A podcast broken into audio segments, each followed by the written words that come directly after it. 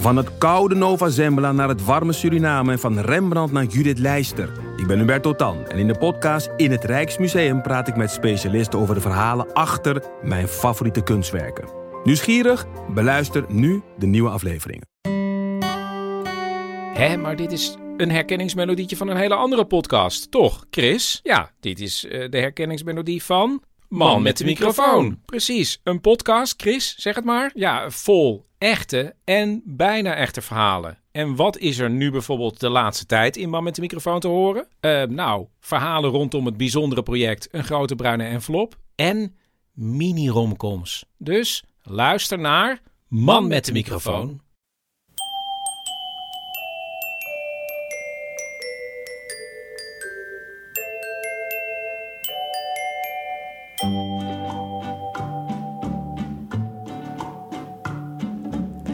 Welkom bij aflevering 45 van de Echt Gebeurd podcast, waar echt gebeurde verhalen worden verteld door de mensen die het zelf hebben meegemaakt. In deze podcast het verhaal van Tim Kamps, opgenomen tijdens Into the Great Wide Open op Vlieland. Dus mocht u een krekel horen chirpen, dan komt dat allemaal door de ongerepte natuur. Het thema was gestrand.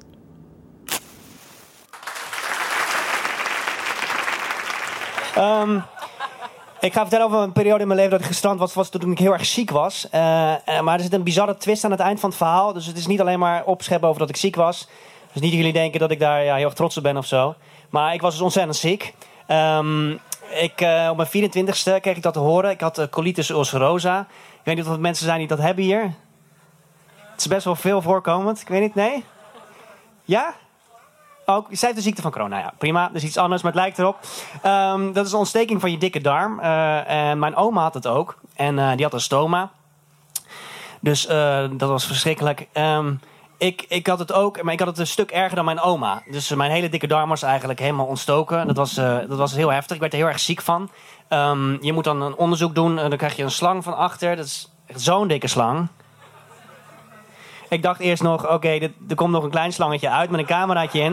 Maar hij gaat er echt in zijn geheel in. En dat is echt verschrikkelijk. Dus dat onderzoek moet je echt tien keer per jaar of zo. En ik moest heel veel medicijnen slikken. Ik denk, denk dat ik op de hoogtepunt ongeveer 20 pillen per dag slikte.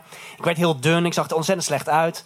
Um, um, dus dat was verschrikkelijk. Um, wat gebeurde er toen? Oké.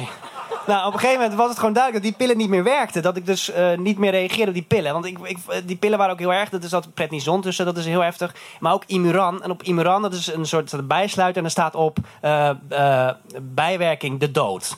Serieus. Dus ik vond, het, ik vond het heel heftig om te slikken. En mijn dokter zei ook, ja, als je er niet achter staat, als je het slikt, dan, dan werkt het ook niet. Dus ik dacht, ja, wat zijn er voor rare medicijnen? Maar goed op een gegeven moment kreeg ik, was het zo erg. We kreeg ik een infuus van medicijnen. Dat heet Remicade. Dat krijg je ingespoten in je, bloed, uh, in je bloedbaan. En dat is. Uh, dat komt er een, een zuster binnen met een mondkapje en handschoenen. En dat ik echt.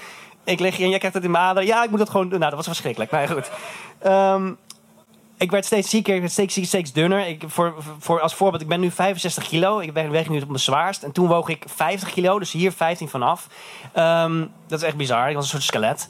Um, dus op een gegeven moment zei mijn arts, nou, het werkt niet meer, je dikke darm moet in zijn geheel uit. En ik wist helemaal niet dat het kon, maar dat kan dus blijkbaar. Je kan heel goed zonder dikke darm leven. Ik, uh, je krijgt dan een, je dunne darm in een lus gelegd. En dan snijden ze ertussen, wandjes ertussen uit. En dan heb je een soort reservoir. En je dunne darm is zo slim, die neemt de functie van je dikke darm gedeeltelijk over.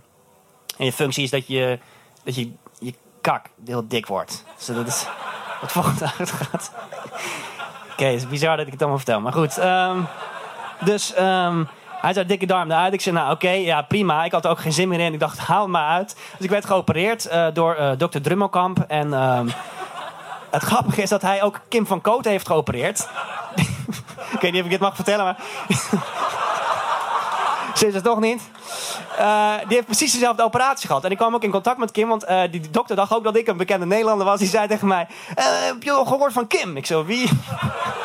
Ja, Kim Coco, dit heeft hetzelfde als jij. Ik zei, nou oké, dan belde ik op. Nou, hebben we over gepraat. Het was wel fijn om iemand te kennen die het hetzelfde had. Uh, maar goed, ik werd dus geopereerd met dikke darmafsluiting. Ik lag daar en... Um, het was best wel heftig, want je dunne, je dunne darm moet zich heel erg gaan rangschikken in je buik. Dus dat was, uh, ja, dat, ik kreeg heel veel kramp. En dan heb ik een week niet kunnen eten. Ik woog toen 50 kilo, er ging nog 10 kilo vanaf. Dus ik woog tot 40 kilo.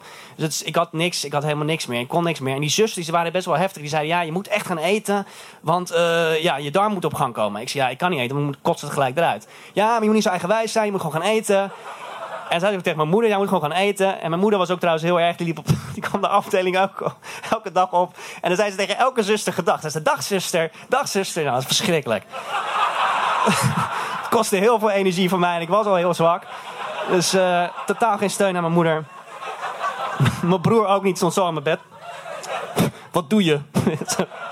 Goed.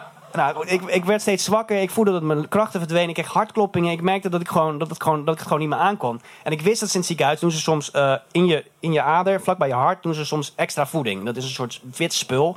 En dat doen ze niet graag, want jouw darmen komen dan niet op gang.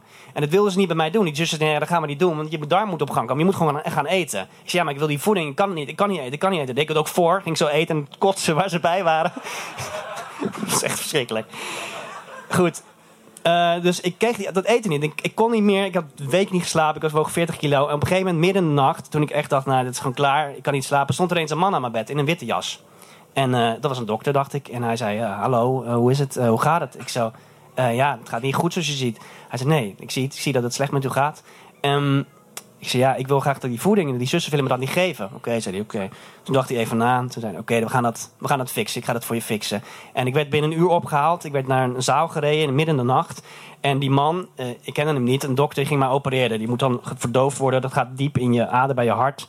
En um, had het gedaan en ik kreeg die voeding en ik, werd rustiger daardoor. Ik kreeg meer kracht. Ik kon een week lang kon ik, uh, niet, hoefde ik niet te eten. En ik, eh, dat hielp me gewoon heel erg. Dat heeft me gered.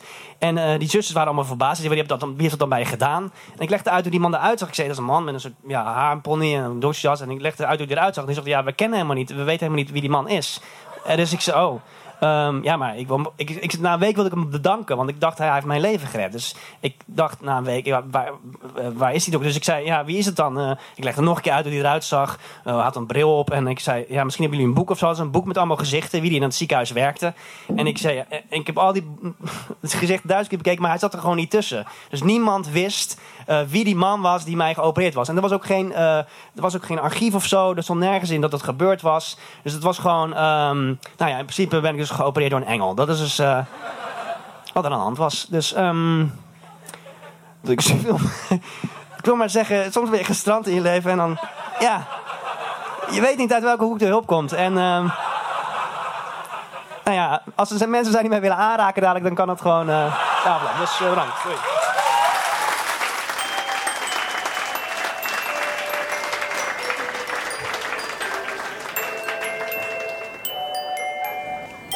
Dat was Tim Kamps, een van mijn favoriete cabaretiers. Hij houdt de werkelijkheid altijd een heel klein beetje scheef. Komend jaar gaat hij even niet optreden, maar hij blijft wel iedere ochtend om kwart over negen te beluisteren met zijn eigen column op Radio 3FM bij Giel Belen. Kom trouwens vooral eens langs bij Echt Gebeurd. Op 13 januari is het thema Macht. Dat is om 4 uur in Theater Walhalla in Rotterdam. Op 20 januari is het thema op het podium. Dat is ook om 4 uur, maar dan gewoon in Toemler, onder het Hilton in Amsterdam. Heeft u zelf een bijzonder verhaal te vertellen of durft u voor te lezen uit uw pubberdagboek? Laat het ons dan weten op www.echtgebeurtintoemler.nl. En Echt Gebeurt in Toemler schrijf je aan elkaar zonder puntjes. U kunt zich daar ook opgeven voor onze nieuwsbrief. En we zijn ook te vinden op Facebook. De redactie van Echt Gebeurd bestaat uit Micha Wertheim, Paulien Cornelissen, Rosa van Dijk en mijzelf, Eva Maria Staal. De techniek is in handen van Vrijman en Vrijland. Dit was de 45ste podcast van Echt Gebeurd.